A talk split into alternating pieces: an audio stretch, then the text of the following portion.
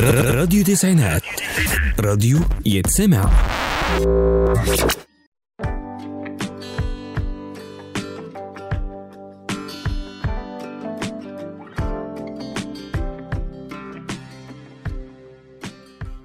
مساء الأمل والسعادة على كل مستمعين راديو تسعينات.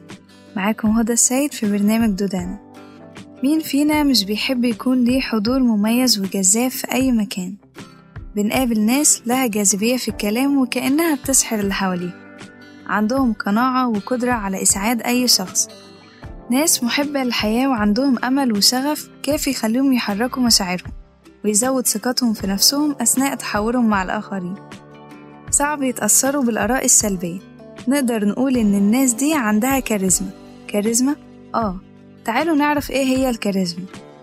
هي مصطلح يوناني معناه النعمة أو الهدية. أو الإبداع وليه معاني كتير جدا. أهمها مقدرتك على دراسة الأفكار وتحليلها وتوجيهها للناس بطريقة سهلة وهي موهبة غير عادية.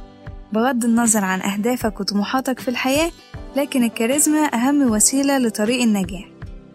الكاريزما لها أنواع كتير زي ما لها معاني كتير ومنها كاريزما المال والأعمال والفن والرياضة والموضة والكاريزما الروحية والجسدية وغيرهم. وأهمهم الكاريزما القيادية. وعشان أكتسب الكاريزما دي لازم أهتم بالآخرين وأتفاعل معاهم. أسمعهم وأديلهم شعور بإنهم مميزين عندي ولهم مكان. تاني حاجة محاولش أخبي نقاط ضعفي إن أستخدم أسلوب مقنع في الكلام وأبعد عن الحوارات واللف والدوران. وكمان مأبخلش عليهم بالمجاملات الصدق. وأحترمهم وأضحك معاهم وأضحكهم وأقرب منهم وأشاركهم الحاجات المشتركة بينا لازم يكون عندي انفتاح وحكمة في التفكير ومرونة في اتخاذ القرارات وإن ما ترددش فيها أبدا وأهتم بمظهري ودايما أفكر بإيجابية.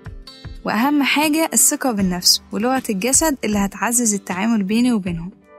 إيه ده؟ إيه ده؟ أنا هستفاد إيه لما أعمل كل ده؟ هتستفاد إنك هتكون شخص محبوب من كل اللي حواليك. ليك تأثير على الآخرين وتقدر تقنعهم برأيك بسهولة. هتكتسب صفات التميز والنجاح في مجالات كتيرة جدا من الحياة. هتتميز بتحفيز الآخرين على تحمل المسؤولية والنجاح في الحياة. والأهم من ده كله إنك هتكتشف نفسك وشغفك في الحياة. تقدر تكون شخص إداري وقادر على تحقيق المسؤولية والنجاح في مجالات كتير بالإضافة إلى المرونة في التعامل مع أي شخص. وبالطرق دي هتتحول من شخص عادي لشخص صاحب كاريزما. وعنده قبول وتأثير سواء جسدي أو عاطفي أو حتى نفسي وقدرة على إقناع الآخرين بوجهة نظرك بسهولة.